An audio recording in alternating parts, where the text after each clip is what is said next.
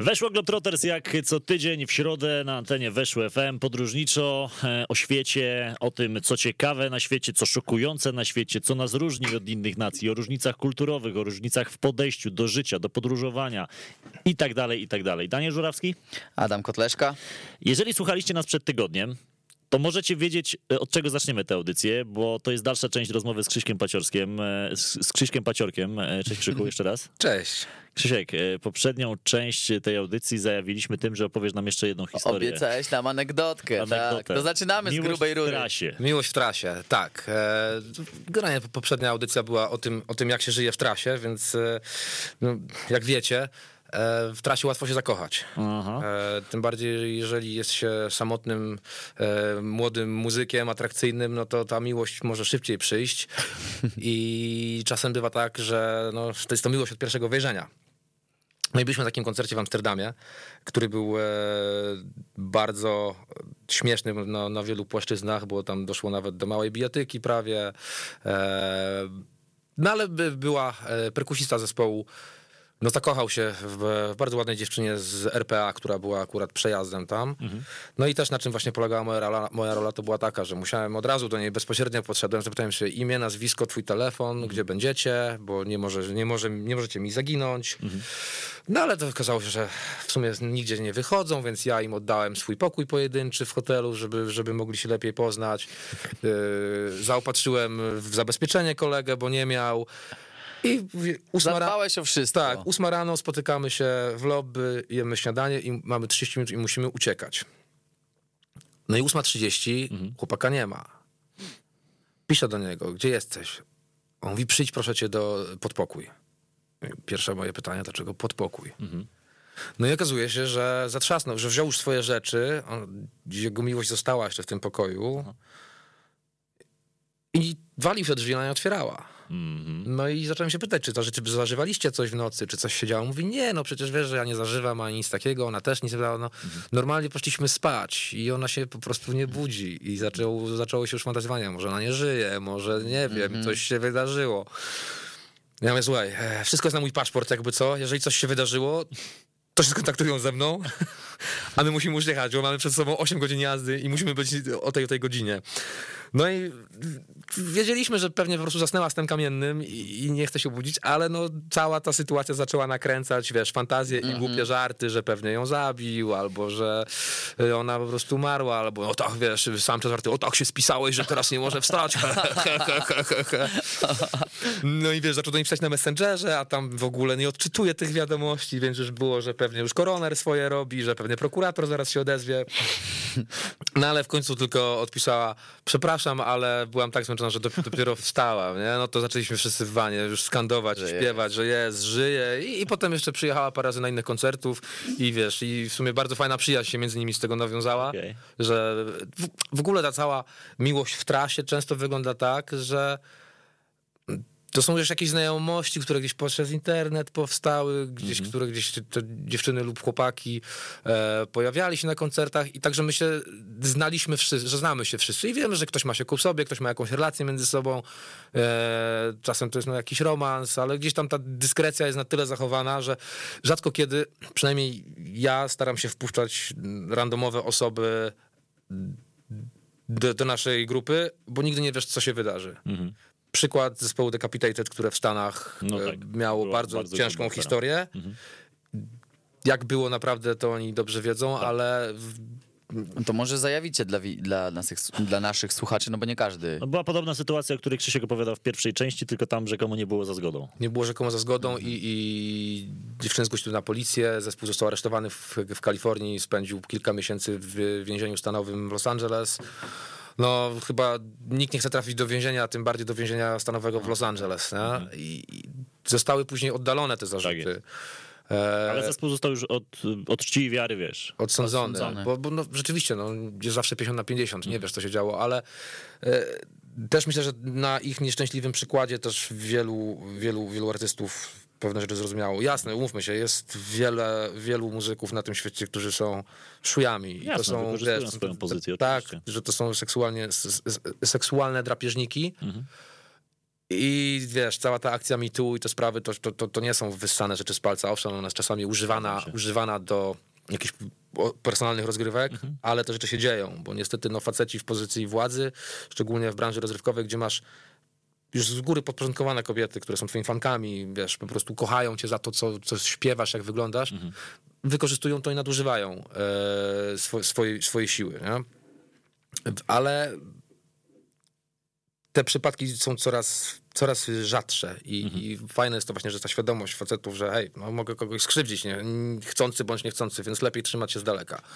No, zespoły, z którymi ja pracuję gdzieś tam, wiadomo, to już są też już przez tych parę lat, no, dorośli, mają swoje rodziny, dziewczyny, więc to przyjaciółki gdzieś tam zeszły na drugi plan, ale to się w taki sposób naturalny kręciło, że po prostu znaliśmy te osoby, wiedzieliśmy, że one nie wynoszą żadnych rzeczy z backstage'u, żadnych informacji, że to nie są żadne osoby, które szukają atencji, tylko najzwyczajniej w świecie jakieś relacje się zawiązały Eee, i to nie wiem, nasza po prostu rodzina trasowa się, się powiększała nie? I, i to było bardzo fajne. A, Czyli poczekaj, czyli muz, muz, muzycy, tak jak marynarze, gdzieś w każdym porcie porcie. mają jakąś przyjaciółkę, coś w Mogą tym stylu. Słuchaj, mój, tata, mój, mój tata, który pływał całe życie, zawsze mówił, nie ma to jak marynarzom, tu podupczą, tam połażą. ładne, No. ładne i prawdziwe. Coś w tym, coś w tym ale często są te przyjaźnie, nawet które nie prowadzą do, do łóżka, Mhm. Tylko to towarzystwo kobiety, kiedy jesteś samymi facetami Dokładnie. przez tyle Chciałem czasu, poruszyć, jest dokładnie. najzwyczajniej w świecie potrzebne i to są tego. takie, wiesz, no, twoje przyjaciółki, terapeutki. Najzwyczajniej w świecie Tak. jest przyjemne, kiedy pójdziesz sobie zjeść coś... E, Psychicznie głowa tak, odpocznie. tak, tak, tak. Więc to nie wszystko się kręci zawsze wokół, wokół seksu Mhm. i, i narkotyków, ale naprawdę dużo wartościowych znajomości, przyjaźni można nawiązać i to jednopłciowych bądź międzypłciowych to już też nie gra roli, ale e, to jest tak specyficzna sprawa, kiedy właśnie jesteś, bo jesteś w tej trasie, no tak jak już powiedziałem w pierwszej części, życie twoje normalne już nie istnieje, nie żyjesz tymi problemami, nie jesteś w stanie e, załatwiać wszystkich problemów, nie wiem, jeżeli masz żonę, dziewczynę, chłopaka, nie jesteś w stanie tych, kontrolować tych rzeczy. Musisz to odpuścić i skupiasz się na tym swoim mikroświecie, teraz tak, tu i teraz. e, na, na tym mikroświecie, ale potem jak po tym miesiącu czy dwóch jesteś wyrwany z tego i wracasz do normalnego życia, Mhm. to jest problem. To jest problem, bo każdy, kto na ciebie czeka w kraju, w domu, oczekuje, że jeden, dwa dni ty odpoczniesz, Mhm. I od razu jesteś w trybie. w 100% jesteś w tym trybie. Bardzo chcesz, ale potrzebujesz minimum dwóch, trzech tygodni, żeby twoje ciało wyhamowało, umysł się Mhm. przyzwyczaił, a chociaż bardzo chcesz już teraz, zaraz nadrabiać, bo wiesz, że jesteś komuś coś winien. Mhm. Ale to, to, to nie gra. No i często ten tryb życia no, przekłada się na, na, na, różne, relacje na różne później. relacje, kryzysy i Ile takich związków widziałeś, które się rozpadały? Setki, dziesiątki, Pewnie dużo, niezliczoną mało? ilość. takich poważnych relacji, że się rozpadały, to może nie, ale przechodziły kryzysy, gdzie były rozstania, separacje, gdzie pojawiały się osoby trzecie. E, owszem, ale jeżeli partnerzy są dojrzali, to, to, to są w stanie, jeżeli już tam są w stanie przetrwać te kryzysy. Ale takich, wiesz, związków, że ktoś miał dziewczynę, wyjeżdżał w trasę, I już jej nie wracał, Wracał, już już jej jej nie było, miał. no. Ale też często, wiesz, było tak, że no wyjeżdżają, wyjeżdżają w trasę te chłopaki, a te dziewczyny siedzą, tęsknią na telefonach, im ciągle siedzą, wiszą, Mhm. wiesz, przez to, że teraz masz wszędzie Wi-Fi, roaming darmowy, Wszędzie możesz dostępny, FaceTime, nie? tak, FaceTime'ować, nieważna jest różnica czasu, jesteś cały czas na łańcuchu Mhm.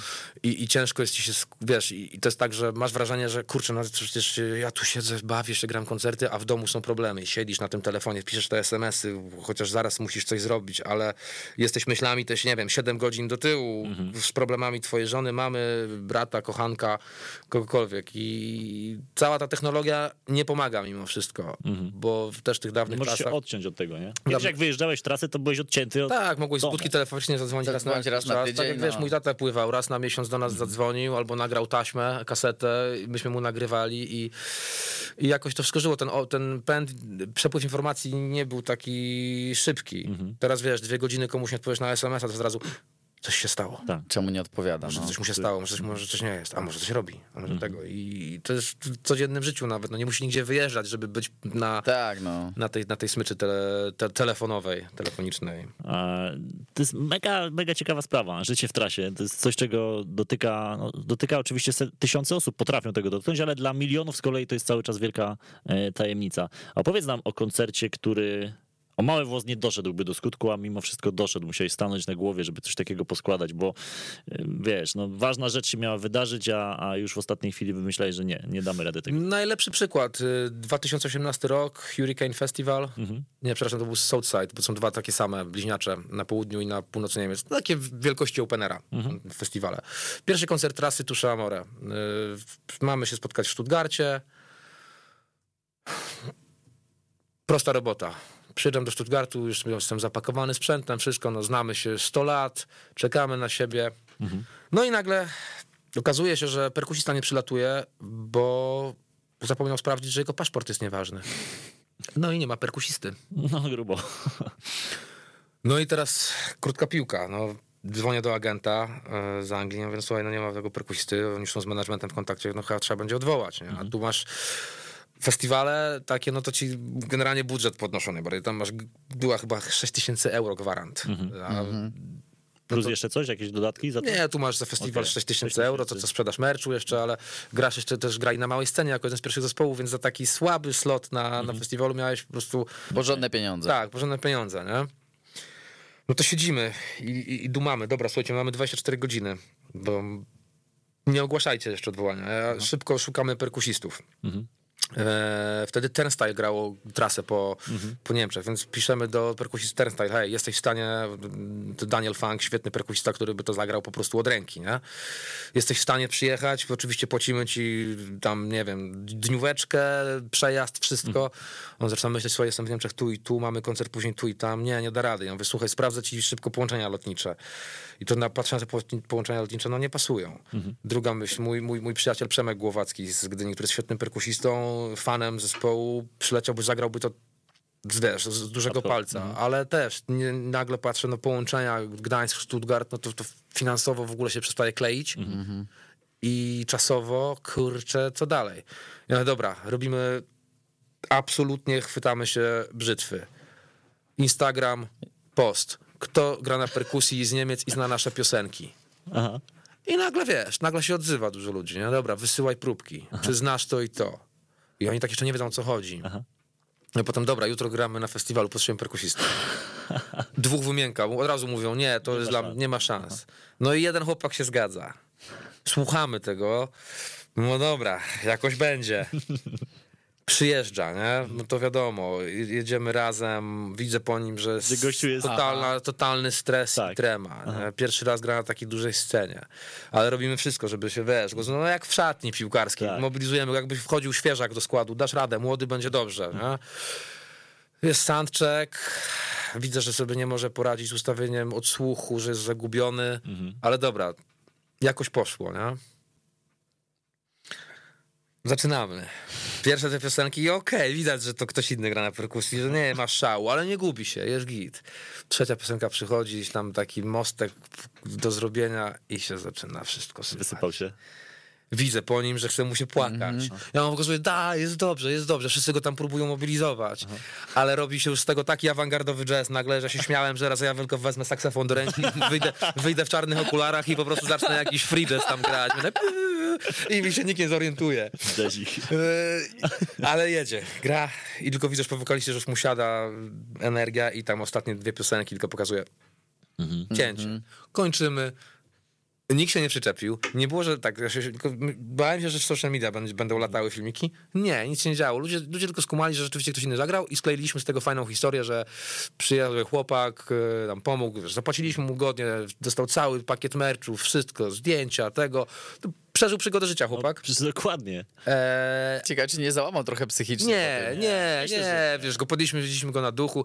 On miał jak, naj, naj, jak największe prawo zawalić. Tak. Nie? Zagrał pół dobrze, pół tam się wysypał, ale no to, to, to wiesz, to było nasz fuck up, że nie przyleciał perkusista, że nie mieliśmy żadnego zastępstwa. No chłopak nas uratował i, i do dzisiaj po prostu zawsze ma listę gości na, na, na, na nasze koncerty, zawsze przyjeżdża, zawsze jest tam doceniany, a dla nas to śmieszna historia, nie? Kapitalne story. Ten paszport udało się zrobić. Też w jakimś trybie ekspresowym, tam już management uruchomił, okazało się, że United Airlines współpracuje z, tą agencją managementową i tam wsadzili go na jakiś lot po prostu, że przyleciał wieczorem, go odebrałem, od razu zaczął nas przepraszać i No bo zawalił jakby. zawalił i tam oni między sobą no, trochę byli na niego źli, ale to jest też tak, taki chłopak, który e, jest tak pozytywnym człowiekiem i dobrym, że nie, nikt nie był w stanie się na niego nawet gniewać i dąsać. Nie? No i następnego dnia już byliśmy na, na północy Niemiec. E, To był, to był dzień meczu e, Polska-Kolumbia na tym nieszczęsnym mundialu. No, pamiętam, że na backstage'u sobie oglądali Anglików, którzy idą jak burza, angielskie zespoły. Ja to My gramy mecz o życie. Myśmy sobie pojechali do, Brem, do Bremy, do hotelu, ja od- odpalam to Polska Kolumbia, pamiętam, bo tam eee, to ja już nie chcę oglądać mundialu. No, w, to, w sumie dla nas się trochę wtedy skończył, więc. tak, tak. To- no ja pamiętam, ja oglądałem w ogóle mecz z Senegalem. Ja mieszkałem wtedy w Argentynie i wiecie jak to było tak, że ten mecz był z rana w ogóle, nie? Dziesiąta rano. No tak. I ja pracowałem w biurze, no i wiesz jak... Dziesiąta biuro- rano i humor popsuty. Tak, ale Cały dzień masz koniec. Ale słuchajcie, ja tam pompowałem balonik. My mamy Lewandowskiego, Milika, co wy tutaj Argentyna, nie? Wiecie, naprawdę tam im powiedziałem wszystkim, że wiesz, że my to jedziemy tam, może nie po medal, ale że wyjdziemy z grupy ćwierćfinał. No i oni sobie wszyscy mówią, dobra, my zawsze oglądamy mecze Argentyny, robimy sobie przerwę i oglądamy. Ale że ty jesteś z Polski, to zrobimy sobie przerwę z tobą i obejrzymy mecz Polski. No i słuchajcie, no nie jesteście sobie w stanie wyobrazić, jaki ja tam wstyd przeżyłem, nie? 1-0, ten gol samobójczy, my nie gramy nic, za chwilę 2-0. Jak było 2-0 i tam ta pomyłka Szczęsnego Tak. i z tym gościem, który wybiegł za linii, to oni tak powiedzieli, wiesz co Daniel, dobra, my już wracamy do roboty, nie? Ty chyba się na piłce jednak nie znasz. Już nigdy w życiu z tobą nie gadali o piłce nożnej. Nie, to nie chodzi o to, ale no dużo żartów przyjąłem do końca czerwca. Naprawdę sporo, nie? Wziąłeś.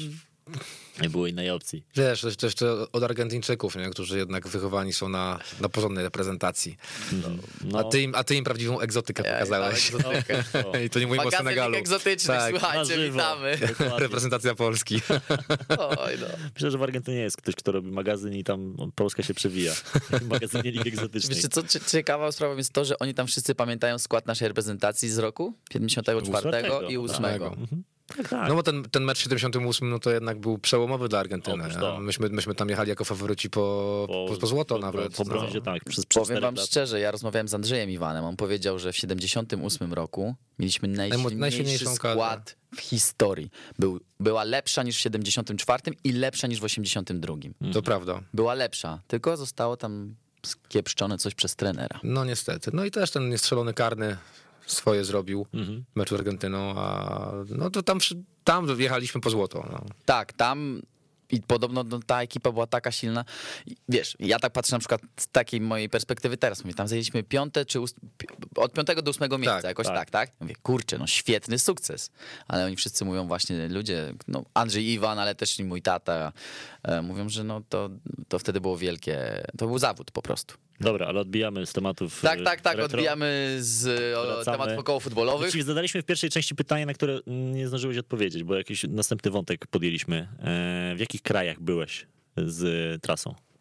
Najbardziej egzotyczny wyjazd dla mnie to był Japonia, Filipiny, Singapur. Mhm. E, i To była też- jedna trasa jakaś połączona? Tak, to była jedna Okej. trasa Japonia i Południowo-Wschodnia Azja i, i to był mój pierwszy, właśnie generalnie moje podróżowanie po świecie było możliwe tylko i wyłącznie dzięki mojej pracy. Bo wcześniej nie miałem możliwości, funduszy i, i myślę, że bym generalnie w te miejsca, w których byłem, no nie poleciał. A tu nagle start trasy w Tokio, no to no, Nie no, najgorzej. no nie najgorzej. Nie? Minus jest taki oczywiście, że nie mam czasu, żeby to Tokio sobie zwiedzić od, od, od A do Z. Ale jesteś tam. Ale wiesz, no jestem tam dwa i pół dnia, dwa koncerty w tym Tokio gramy. Najśmieszniejsze jest to, że w Tokio e, koncerty często odbywają się na przykład w 10 rano albo w południe. Okej. W normalnych klubach. I to jest tak, że przychodzą, ch- nie wiem, to jest zespół, nie wiem, koncert metalowy, to przychodzą ci metalowcy w garniturach, bo mają przerwę wtedy. Wow. Ten koncert trwa 3 godziny, oni spadają do pracy, a o 13 masz już kolejny koncert. Ja... I przychodzą ci kolejni, wiesz. To po prostu Japonia to jest tak inny świat. Mhm. No i, i I powszednie też są o 10 koncerty? Jak... tak, to był wtorek. To był Maniacy wtorek, są, no tak, słuchaj, spoko, no w okej. pracy sobie to był wtorek i o 12 był koncert i na, w klubie miałeś 400 osób nabite. Ale jazda co? No. I no Japonia była taka, takim dużym szokiem dla mnie, ale pięk, piękny kraj. Mhm. Tokio było uciążliwe, jeżeli chodzi o, o język. Mhm. E, No też jestem, jestem weganinem, więc z dietą tam dosyć ciężko, bo masz rybę we wszystkim, nawet w wodzie masz rybę pewnie, jak, którą pijesz. Ale no to ja, ja sobie lub- lubię różne porównania wymyślać i to była taka Skandynawia Azji. Mhm. E, Piękni ludzie, pięknie ubrani, w designerskich ciuchach, wszystko jest po prostu idealne. Idziesz na kawę, do kawiarni to jest no, po prostu minimalizm pomieszany z futuryzmem. E, No i wspaniałe sklepy z płytami, bo, bo, bo głównie moja turystyka i też zespołów opiera się na tym, że zawsze szukamy sklepów z płytami winylowymi i w Japonii jest dużo unikalnych rzeczy, które w Europie kosztują jakieś horrendalne kwoty, a tam możesz wygrzebać sobie naprawdę fajne jakieś pierwsze, pierwsze tłoczenia klasyków różnych, takich unikatów. No i to właśnie pamiętam, że, że, że latałem po tej Azji, miałem kurczę taką po prostu torbę z 40 płytami, które kupiłem w Japonii, tam jeszcze po prostu cenowo jest mistrzowsko, mistrzowsko tanio i w ogóle Tokio myślałem, że będzie bardzo drogie, a Wiesz, to co mówisz, mieliśmy e, słuchacza kilka tygodni temu, pamiętasz Daniel? nam też Dokładnie Japonii, do tego tak. samego wniosku doszliśmy, że to Tokio jawi się jako mega drogie dla Europejczyka, a wcale tak nie jest. nie, na, Aż tak. na pewno tańsze niż Nowy Jork. Aż tak, no Dokładnie. okej, ta- no. Jasne, jasne, to nie chodzi, że to jest Miałem przyjemność być promocją. i akurat, y, no... w- Generalnie, okej, mówimy, że trochę tańsza, no ale ta Japonia, powiedzmy, nie wiem, ja spędziłem tam 10 czy 12 dni, wyszło mi też 10 tysięcy, no więc to nie było jakoś... Jasne, ale, te, ale też, też jadąc, e, no to pewnie spodziew... Tak, nie żałowałeś sobie pewnych No rzeczy tak. i nie, nie, nie, nie, pewnie nie jechałeś jako backpacker tam, tylko No jako, jako uprzywilejowany biały turysta. E, A wiesz co, japońska, japońska publika też jawi się jako taka totalnie szalona i, i odklejona, bo e, ktokolwiek z Europy by nie przyjechał, no prawie ktokolwiek z Europy by nie przyjechał, no to szaleją, nie? Jest coś takiego, że, że mają taki szacun, kurczę, przyjechał do nas ktoś z Europy. Tak, to jest, czy w ogóle to jest tak, że to oni sobie wybierają, kto tam przyleci, bo Mhm. e, w Japonii, jeżeli nie wydasz tam płyty, to nie funkcjonujesz, To ich, nie funkcjonujesz w ich świadomości i to też musi być wydanie tej płyty, oni musisz mieć jakiś bonus. Mhm. Specjalnie musi, dla Tak, Japonii. Tak. musi się różnić, musisz mieć jedną albo dwie piosenki więcej na tej płycie, specjalnie dla Japonii. Mhm. To jest niesamowite. Tak, to, ale to wszystkie zespoły właściwie duże wydają jakieś... Wszystkie japońskie edycje po prostu są inne, nie? Cool, ale są przepełnione, są lepsze zazwyczaj, nie? Tak. Doładowane mają coś w porównaniu do tych europejskich. Oni są, wiesz, jak to Japończycy, nie? Są bardzo duży szacunek do ciebie, nie przekraczają pewnej granicy, jest gdzieś tam taki dystans. No, to, jest, to jest Skandynawia po prostu Mm. Azji, bo potem, potem leciliśmy do, na Filipiny z kolei, Aha. prosto z Tokio. świat chyba, co? No to, to taka Polska po prostu. Pierwsze co było, to mnie pytają, o, ty jesteś z Polski? Papież i Lewandowski. Ja mówię, Lewandowski to jak tam, fanem Karola Wojtyły, talentu nie jestem może, ale wiesz, ale to pierwsze co Polska, papież Lewandowski nie? I, i piłka nożna, więc też ich me- mentalność taka była no, zbliżona do nas, bo otwarci, wiesz, głośni, tu e, Dotykają bardziej, bez, bardziej, tak, tak, bardziej bezpośredni i, i, no, te Filipiny to wiesz, bo też nie byliśmy na jakichś wysepkach e, pięknych, Mhm. tylko wiesz, ta ciężka część Manili, Mhm. potem przedmieście, czyli tam e, to było Batakla, e, Bulacan. Nie pamiętam jeszcze trzeciej nazwy, bo tam były trzy koncerty, ale no to, to, to była akurat podróż fajna, bo właśnie widziałem te Filipiny e, Prawdziwe. nie z katalogu, tylko wiesz. E, z bardzo dużym, ogromnym rozwarstwieniem klasowym, gdzie jedziesz z tego lotniska i jedziesz przez dzielnicę, gdzie masz, wiesz, psy w klatkach przeznaczone do zjedzenia, e, widzisz totalną biedę, syf, e, pełno małoletniej prostytucji i po prostu już nie chcesz tam być, tylko jak patrzysz przez okno, ale mijasz trzy przecznice i masz nagle, wiesz, e, jakąś bogatą katolicką dzielnicę, grodzone osiedla i czujesz się jak, nie wiem, Beverly Hills. Po prostu jedziesz kolejnych przecz- parę przecznic dalej i znowu jest syf, albo wiesz, jakaś taka już średnio klasowa ta, ta dzielnica, więc e, no i korki, korki, korki oraz autobusy miejskie, takie przerabiane busiki, które wyglądały jak jakieś pojazdy z Mad, Ma- z Mad Maxa. To, jest, to jest po prostu mistrzostwo świata, takie obite, opancerzone Mercedesy z, z, długim dziobem i na tym, wiesz, pełno ludzi siedzi, ale tam po prostu żyjesz w korku i tylko wdychasz smog i opary tych przydrożnych grilli, gdzie lokalny przysmak smażą, czyli e, chyba świńskie jelita. No, więc... Chęciłeś. A zespoły lubią grać, jeszcze do Japonii wrócę. E, Wydaje się, że Europejczycy chyba lubią grać, co w Japonii, bo ja jak sobie gdzieś tam no, jakiekolwiek jakieś relacje przeglądasz, to ta Japonia jawi się rzeczywiście jako takie miejsce dobre do grania, po prostu, wygodne. Tak, to jest, to, jest, to jest wygodne miejsce, to jest tam, jeżeli, jeżeli już europejski zespół leci do Japonii, no to znaczy, to nie leci tam w ciemno, to, już, Mhm. to znaczy, że ktoś go tam chce, przyjdą ludzie na ten koncert i będziesz dobrze potraktowany bardzo. Chyba, to nie licząc Behemota oczywiście, ale to ostatnio co, Furia była w Japonii parę lat temu. Z polskich zespołów, wiesz co, jeszcze CF. e, Tak, grały. CF98 Tak, to trochę grali. mnie tak zaskoczyło w sumie, bo tak, ale, Ale- No, od, odebrani byli świetnie. No tam. więc właśnie, oni sobie tam wy, wy, też wy, wypracowali ten kontakt bardzo fajnie, ale no chciałbym do Japonii wrócić na taką e, dłuższą trasę, paro, paro, paro koncertową, albo też turystycznie, bo naprawdę to jest kraj, który zrobił na mnie ogromne wrażenie, mimo że może przytłoczyć na początku, może gdzieś tam zmęczyć ten po prostu ilość ludzi, ale tam jest wszystko tak dobrze zorganizowane. Ale wiesz co zabawne, bo ja też Adamowi mówiłem, że jakby Japonia to jest taki kraj, który jakby zrobił na mnie takie wielkie wrażenie, że tam chciałbym wrócić, pomimo że już byłem. Tak. Bo nie każdy kraj jest taki. Nie, nie, zdecydowanie nie. I ja mam tak właśnie z Japonią. Eee, no bo masz tą egzotykę dla nas, no jest to Japonia, in, inny świat, ale on jest też, to, to jest bardzo zorganizowany świat. nie? I to, to jest dla takich miejskich turystów e, bardzo, bardzo dobre miejsce do, do zwiedzenia. I czujesz się tam dobrze, mimo że te łóżka w hotelach są krótkie. Kimono mi sięgało do połowy ud. E, ciągle się w łeb waliłem idąc do toalety gdzieś.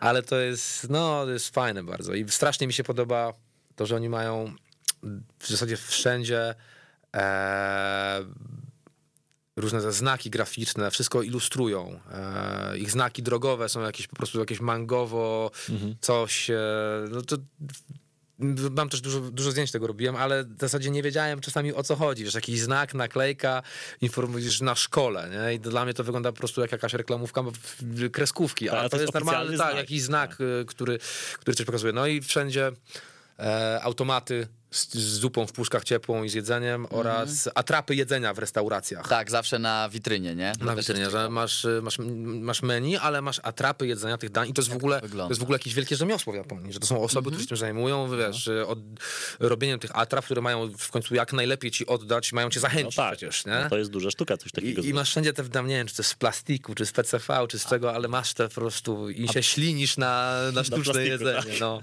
A powiedz, kawkę ciepłą piłeś z puszki, z automatu? Oczywiście i zupę kukurydzianą. Ile tam jest tych, no jest naprawdę, naprawdę sporo. Wiesz, masz po prostu Inny wrzucasz świat. tam, wrzucasz tam jakiś, e, jak- jakąś monetę i masz nagle wyskakuje ci już podgrzana zupa w puszce kukurydziana. No. Nie chcę wiedzieć, co tam siedzi tak naprawdę w rzeczywistości. E, to była Japonia, Filipiny i trzeci kraj? Singapur. Singapur. A o ten Singapur chcę cię podopytać, bo Singapur też się jawi jako kraj taki bardzo poukładany, czysty przede wszystkim. Piękne Świetny miejsce. do życia, do, świetne miejsce do życia tak naprawdę. Jeżeli masz pracę, jeżeli jesteś mm, człowiekiem pracującym, to tam naprawdę świetnie się żyje. To jest europejska Azja. A, jeszcze w Malezji byliśmy między właśnie A, no to też do Kuala Lumpur najpierw. dojdziemy do a potem do Malezji. Singapuru. E, No Singapur był świetny i to był koniec trasy, więc sobie z premedytacją zostałem tam parę dni dłużej samemu, żeby po, pozwiedzać, pochodzić. I, no ale to jest, to jest taka Azja też uporządkowana. Nie? To jest, masz tam masę Europejczyków, ekspatów, którzy sobie pracują w branży gdzieś tam Mhm. w sektorze bankowym czy, czy IT. E, No ale jest to miasto na styku e, też trzech religii, które się tam dogadują, dobrze sobie żyją. E, No i chyba najlepsze, najlepszy street food, najlepsze jedzenie w Azji. Masz tam wszystko, czego zapragniesz w bardzo dobrych cenach i, i te targi, te takie, wiesz, markety, gdzie wchodzisz, masz ileś tam budek i możesz sobie, wiesz, wszystko, wszystko zjeść, są wspaniałe i to za jakieś, wiesz, grosze. Ale Singapur, czyli państwo, gdzie generalnie używki są surowo zakazane. Tak.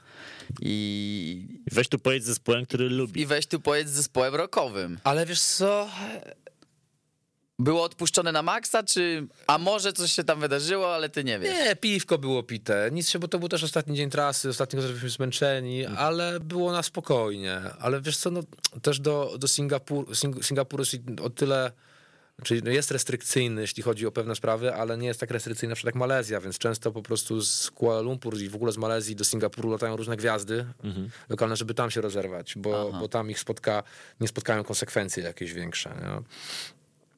E, ale polecam każdemu, bo ich system komunikacji miejskiej, metra jest po prostu niesamowity. Tam no, nie potrzebujesz samochodu, tam tylko... Ale Coś na właśnie... miarę Berlina? E, tak, tylko że wiadomo, Berlin ma ten swój fajny brud uroczy, który bardzo lubię, e, a, a Singapur no to jest ste, sterylność. I ja pamiętam, pierwsze moje wejście do stacji metra, jadłem sobie kanapkę. Wszedłem do stacji, sprawdzam plan i podchodzi do mnie kobieta i mówi, wiesz co, wyjdź z tą kanapką, bo zaraz dostaniesz mandat. I rzeczywiście minąłem znak, zakaz jedzenia. No nie możesz jeść w ogóle już na samej stacji i ładują za to mandaty typu 100-200 dolarów. To Nie ma w ogóle, nie ma tak. dyskusji. No wiadomo, to rzucie gumy czy wypluwanie gumy na chodnik, to też masz y, za to mandaty, Tak. więc jest to na pewno dla, dla nas szok, no ale wiesz, tam, tam to działa i rzeczywiście widzisz, ten Singapur jest czysty, jest schludny, e, ale to nie jest takie typowo azjatyckie doświadczenie, bo tam jednak masz, czujesz się trochę jak w W Europie. innym tak, oczywiście. Więc- Singapur się wyróżnia bardzo mocno na tle tamtego regionu zwłaszcza. No, więc, więc, więc to jest ta różnica. A powiedz mi, e, organizacja koncertów w takim Singapurze różni się czymś od e, Europy, czy, czy bo te, jak wygląda w ogóle scena w Singapurze? Wiesz co, myśmy wtedy grali w takiej przestrzeni DIY, która była na jakimś trzecim czy czwartym piętrze, taki, w takiej przemysłowej okolicy, ale bardzo fajnie zrobiony klub z takimi klimatycznymi czerwonymi kotarami. E, było wszystko tip-top. No, Ale było... była pizza na backstage'u, czy... Nie, nie, to jest, poszliśmy właśnie na taki, taki targ, e, żeby nam od razu chło- chłopak nam zaserwował e, lokalne doświadczenie i po prostu każdy jadł co chciał. No wiesz, ten bufet taki, no cudowne to było po prostu. Sie- Siedzieliśmy, wiesz, jedliśmy sobie pałeczkami, rękami i co chwilę dokładki, no ekstra sprawa. No. Bajka. Słuchaj, Krzysiek, to może ja już tak myślę, zostawmy już może Azję, bo ja. Chcesz do Stanów? Do Berlina, Tak, czy do tak. Berlina, czy do Berlina Ja bym Stany zrobił na oddzielnej części, szczerze mówiąc. Ja Jeszcze bym tą Azję pociągnął, wiesz, bo chciałem parę Tak? jeszcze pytań o Azję zadać. Tak, bo Stany to będzie tak obszerny temat, że nie zrobimy No tego to w 15 Krzysiek, musisz nam obiecać, że jeszcze przyjdziesz. Przyjdę, nie ma problemu. Ja go No to mamy, bo ja siłą już te, ta Kalifornia, to wiecie, ja już się palę w środku. Zapo się na tak, napalił bardzo Też się mocno. palę na samą myśl, bo, bo to jednak jed, no, chyba naj, jedno z najpiękniejszych miejsc, w jakich byłem w życiu. Pogadamy Okej. na 100%. To jeszcze wróć, zostańmy jeszcze na chwilę przy Azji. W Azji coś cię zaskoczyło przy organizacji koncertów? Jakieś historie, które możesz, się- którymi się możesz podzielić? No to, że w, że w Japonii e, jednak pali się w klubach i, i to było po prostu, i tam wszyscy palą papierosy. Japonia. No, to było po prostu niesamowite. Nie? I wiesz, ten południe, nie? zadymiony klub, a jednak odkąd w Europie nie można palić w klubach, poza tam, no w Niemczech jeszcze sobie pozwalają, czy w Austrii, no to to jest totalny game changer, nie? I, a tu nagle po prostu wszyscy te papierochy kurzą. Ty nie palisz. Nie, nie wszyscy, wszyscy, te, wszyscy te, te papierochy kurzą i, i dmuchają, wiesz, i w ogóle. Nie? E, plus co? Em, ich no, po prostu dokładność we wszystkim, nie? w Japonii. To jest tak, że bardziej jak myślisz, że Niemcy są tacy bardzo zasadniczy i poukładani, no to nie, to, to jednak Japończycy po prostu ma być tak, jak oni mówią, ale najczęściej to jest okej. nie? Bo nie ma tego, nie ma, wiesz, e, tego luzu i czasami się gubisz trochę, nie wiesz, czy oni są na ciebie źli, czy oni coś próbują na tobie wymóc, czy zaraz zostaniesz mieczem samurajskim w brzuch. Nie? Ale no jak, e, po prostu nam się trzeba podporządkować Okej. i to wszystko, bo oni działają wobec, według, według swojego planu, e, więc ja za, też zawsze wychodzę z założenia, a uważam, że dużo, dużo tour managerów, e, szczególnie amerykańskich, robi ten błąd, że oni przyjeżdżają do jakiegoś kraju, wszystko ma być tak, jak oni chcą, być tak, jak mówią, bo tylko oni wszystko wiedzą najlepiej. A czasami po prostu najlepiej oddać lejce lokalnemu gościowi i jak tylko coś tam rzeczywiście się sypie bardzo, to... Jak ci odkleja Tak, e, to, ko- no, to korygować lekko, a tak to no, ufasz w końcu chyba temu, kto tu pracuje ileś lat i, i mieszka, więc to naj, najlepsza wtedy współpraca jest. Mhm. Jakieś e, niebezpieczne momenty mieliście tam w Japonii? W- Generalnie w całej Azji, myślę. Yy, Jakaś nachalność fanów no, w, no, w Filipinach choćby. No bo Była ta Japonii nacha- nachalność była duża w Filipinach, ale to była taka urocza nachalność, że po prostu no tam za często jednak zespoły nie przylatują, więc e, jak już jesteś tam, no to chcą z ciebie wycisnąć wszystko do końca. I nawet jeżeli to jest to upierdliwe i męczące, to jednak y, jest to bardzo przyjemne, bo, bo dbają o ciebie strasznie. No mi się, mi się Filipińczycy kojarzyli z Polakami bardzo, także się strasznie wszystkim przejmowali, wszystko brali do siebie, że wszystko, wiesz, ci organizatorzy, nie? że czegoś tam nie mogli zrobić, jakiś tam lipny nocleg nam załatwili. Ja mówię, że my sobie weźmiemy hotel, spokojnie, nie? I oni tak czuli się po prostu, że zawiedli. nie? To poczucie winy, Taki takie, po, poczucie winy jak w Polsce po prostu. Nie? No, ale no co zrobić? Papież Lewandowski to wszystko mówi. Otóż to. y, Czapo, pytaj o Berlin, bo widzę, że bardzo no chcesz. tutaj tak, no bo kwestia jest taka, słuchaj, ja jestem zakochany w Berlinie. Ja to samo. Mieszkałem tam, Możemy złapać, możemy złapać się za rękę i w takim E, razie. I, I skoczyć w przepaść zwaną Berlinem. Tak. Dlatego chciałbym cię jeszcze poprosić o to, żebyś nam opowiedział no, jakieś ciekawostki i o tym, jak to jest organizować właśnie koncert w Berlinie. Jest, tam się wszystko samo dzieje. No, Niemcy są świetni, jeśli w przemyśle koncertowym mają, wiesz, te... tam o nic się nie musisz martwić. Generalnie to ty się musisz podporządkować Niemcom, tak jak zawsze. Ordnung macht sein. No, tak jest, Ordnung muss A że sein. my jako Polacy się już przekonaliśmy o tym, kto wie, czy nie Tak. najgorzej, to... No i, ale uwielbiam, uwielbiam e, grać koncerty e, w Berlinie, bo tam masz no, najlepsze kluby. No tak, i wiesz co, i tam jest ten taki, nazwijmy to vibe, No jest. klimat jest strasznie, jest taki Wiesz, jak gęsty. grasz na, na Kreuzbergu czy, czy na Friedrichshainie, no to masz tam, jest, jest, e, zapewne, jeżeli mieszkałeś w Berlinie, no to kojarzysz na Rewalderstrasse Cassiopeia i cały ten e, tak, kompleks No taki. oczywiście, no to jest, to, to jest... um, Cassiopeia, Astra, Schodzisz w dół z Warszauerstrasse, Tak, tak, tak. wiesz, mijasz sobie te grupki czarnoskórych, którzy z chęcią po, może nie Pomogą, pomogą. pomogą ci znaleźć to, czego potrzebujesz. tak. E, no, no, no, no, Albo do Gorlitzer Park pójdziesz. no można Też, kiedyś, do Gorlicer, też, też byłem w Park. Gorlitzer Park kiedyś właśnie tam za, załatwiać wsparcie, e, doping, e, ale tak, no przede wszystkim na Kreuzbergu SO, SO Sechsunddreißig, świetny klub. E, No, Be- Kreu- Kreuzberg to jest taka bohema, nazwijmy taka, taki, taka hipsterska stolica samego Berlina. te, teraz się zrobiła hipsterska, wcześniej to była taka no bardzo undergroundowa część. W ogóle Berlin niestety trochę zjadł swój ogon przez, przez, przez gentryfikację i, i hipsteryzację ogólną. E, Angiel, a- angielskie leniuszki, które poprzyjeżdżały tam sobie pożyć i popodwyższać e, ceny najmów, najmu Mhm. lokali, popsuły te, trochę to miasto, ale masz tam ciągle miejsca, w których jest tak e, No, no i. Koln też jest super, Tak. super dzielnicą. A, Four Blocks chociażby, nie? Które oglądałeś, więc... Jest ta rozmowa jest tak insiderska, że muszę przerwać. Musicie opowiadać o tych e, Dobra, rozmawialiśmy teraz właśnie o dwóch takich dzielnicach najbardziej znanych w Berlinie, czyli Friedrichshain i Kreuzberg.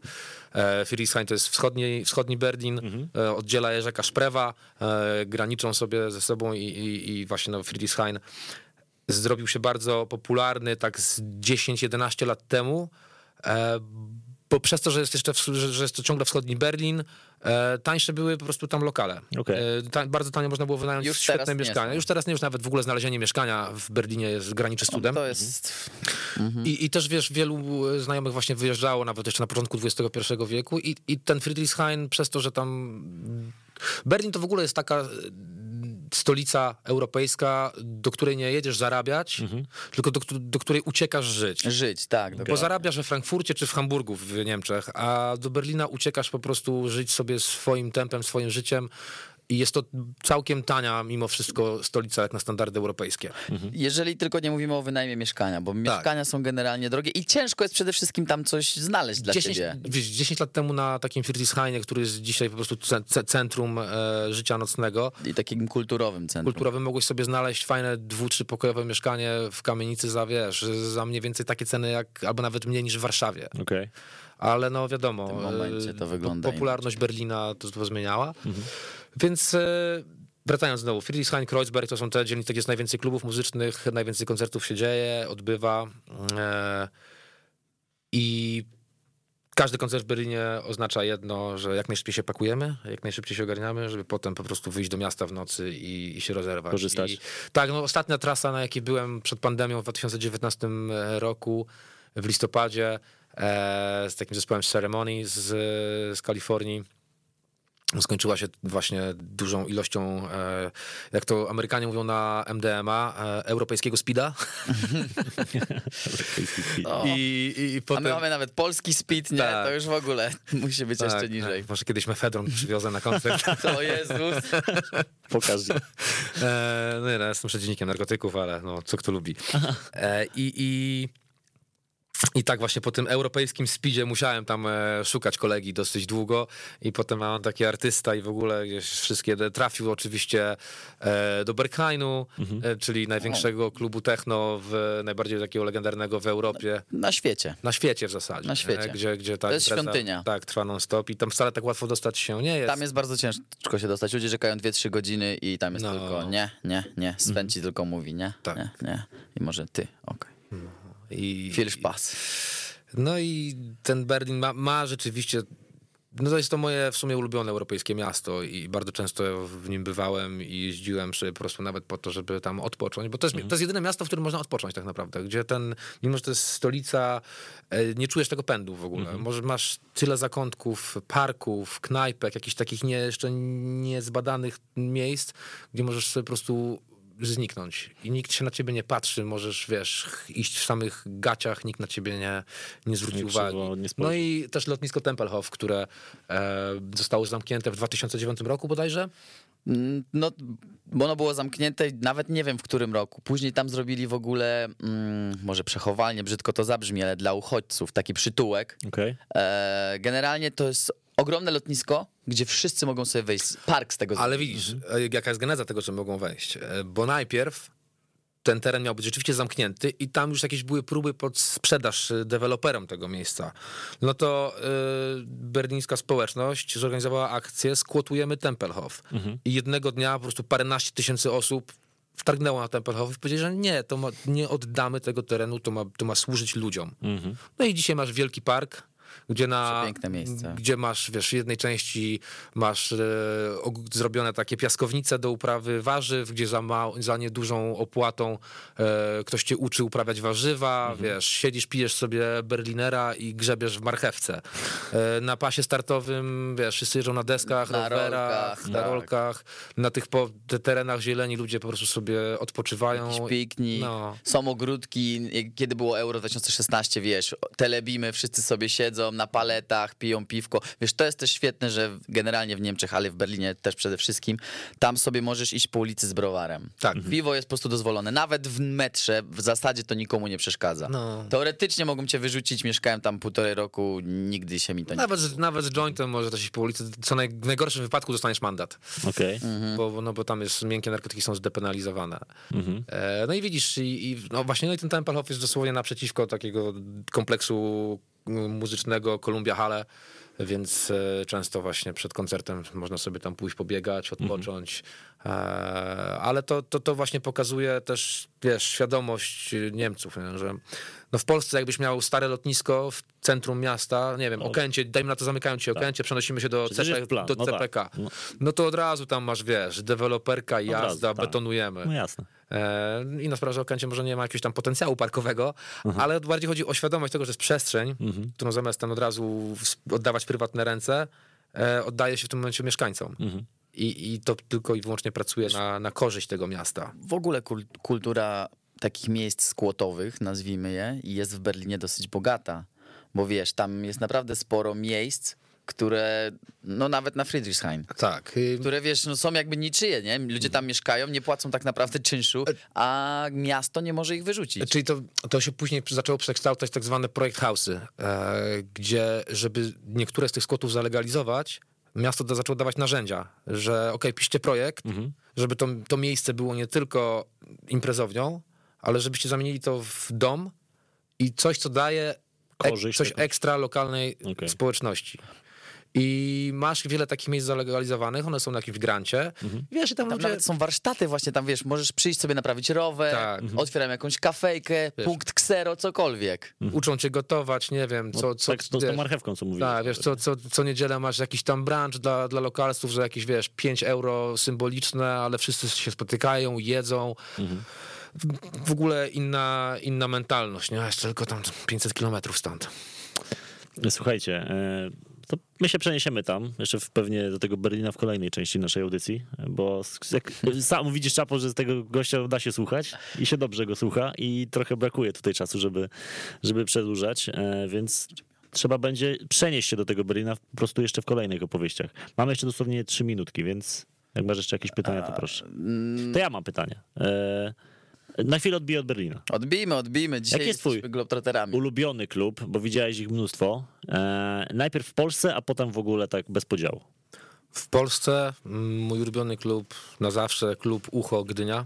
Okej. bo jestem z nim związany bardzo emocjonalnie. Tam swój pierwszy koncert orga- organizowałem, e, tam grałem kilka fajnych koncertów i uważam, że jest to jeden z naprawdę z najlepszych klubów w Polsce. Jestem też pogłosem warszawskim związany bardzo emocjonalnie. A w, w, w, Europie Melkweg w Amsterdamie. Mhm. E, Pięknie położony klub w samym centrum miasta. E, lubię bardzo Cassiopeię w Berlinie. Mm. I, i, i The Buzzer Strand w Sztokholmie. Mhm. A Też. czemu? A uzasadnia jakoś te kluby? E, są bardzo wygodne do grania i do tego mają fajny klimat, szczególnie ta Cassiopeia w Berlinie. Nie? Jest tam zawsze miła obsługa i te koncerty zawsze bardzo dobrze się e, wspomina. Mm, nie przepadam za angielskimi klubami, to, to jest zawsze infrastru- infrastrukturalnie ciężka rzecz. E, no i w sumie w Holandii masz w każdym mieście te kluby są po prostu, czyli naprawdę jakbyście zaczęli jak wygląda infrastruktura klubów dedykowanych specjalnie pod wydarzenia muzyczno-kulturalne, Mhm. to jest po prostu szok, e, jak masz, już nie pamiętam w jakim to było mieście, ale wjeżdża, wiesz, do hali garażowej wielki autobus Nightliner i go, wiesz, bierze dźwig do góry, obracasz do wyładunku, to są po prostu rzeczy nie z tej ziemi, nie? Mhm. Kosmos. Ale w Holandii jest rzeczywiście bardzo komfortowo, te kluby są świetnie przemyślane, zaprojektowane. E, W Eindhoven jest taki klub Dynamo i, i to jest też bardzo miłe miejsce. Ale lubię też te wszystkie włoskie kluby, gdzie nic się nie zgadza, gdzie jest chaos, bałagan, ale potem po prostu przychodzi tych, tych paręset Włochów ze swoim temperamentem i, i, i naprawdę wszystko wynagradza ci cały stres. Nie? To ja mam jeszcze jedno pytanie, jeżeli już mówimy o tych klubach. W Rotterdamie jest miejsce, a w zasadzie kościół, w którym organizowane są imprezy techno. Po prostu muzyki elektronicznej. W jeden dzień tam jest muzyka elektroniczna w kościele. Słyszałeś kiedyś o czymś takim, jeżeli chodzi o rok? Y, W Colchester byłem w takim e, kościele właśnie, w którym z metalowymi zespołami e, byliśmy. Czy w ogóle w krajach protestanckich e, nie ma większego problemu z, z często z za- zamienianiem tych byłych świątyń lub aktualnych na jakieś miejsca koncertowe. Tak samo w Stanach często w, w różnych e, placówkach kościelnych, w piwnicach e, odbywały się koncerty. E, tak ze swoim zespołem w, w Waszyngtonie graliśmy w, w St. Stephen's Church, Church, więc e, w piwnicy tam u góry jakieś były spotkania lokalnej społeczności e, chrześcijańskiej, a my sobie tam łupaliśmy punk rocka w piwnicy i to jest, no... Jest, jest kilka takich legendarnych miejscówek w Stanach, na wschodnim wybrzeżu właśnie, gdzie e, to są jakieś e, albo były świątynie, albo nieruchomości należące do jakiejś wspólnoty religijnej. Kończymy. Kończymy tę część, bo za, za- jak się rozwiniemy, zaczniemy To pytać, nie, to, to przerwiemy nie tego. przerwiemy, dokładnie. Krzysztof Paciorek był naszym gościem. Krzychu, bardzo ci dziękuję e, za te opowieści. E, Ja już ci kiedyś powiedziałem, że ty powinieneś książkę napisać i będę cię do tego namawiał. Słuchaj, może napiszemy razem. My tu ci pomożemy, jakąś ci zredagujemy. Ty będziesz nam tylko opowiadał. Ja mimo wszystko myślę, że to się jednak ciekawiej wszystko brzmi w formie mówionej. Może bo Też tak. No, ja widzę cały czas potencjał mimo wszystko na książkę. Słuchaj, ale o Kalifornii obiecujesz, że nam opowiesz. obiecuję, możemy pójść zaraz na kawę i wam opowiem. Tak zrobimy. Słuchajcie, bardzo wam dziękujemy. Kolejny odcinek za tydzień. Wszystkie na Spotify, na SoundCloud i na weszło.fm zakładce Weszło Globetrotter. Słuchajcie nas za tydzień. Dziękujemy bardzo, pozdrawiają was i waszymi hostami byli Daniel Żurawski i Adam Kotleszka. Trzymajcie się, dobrego, dobrego dnia.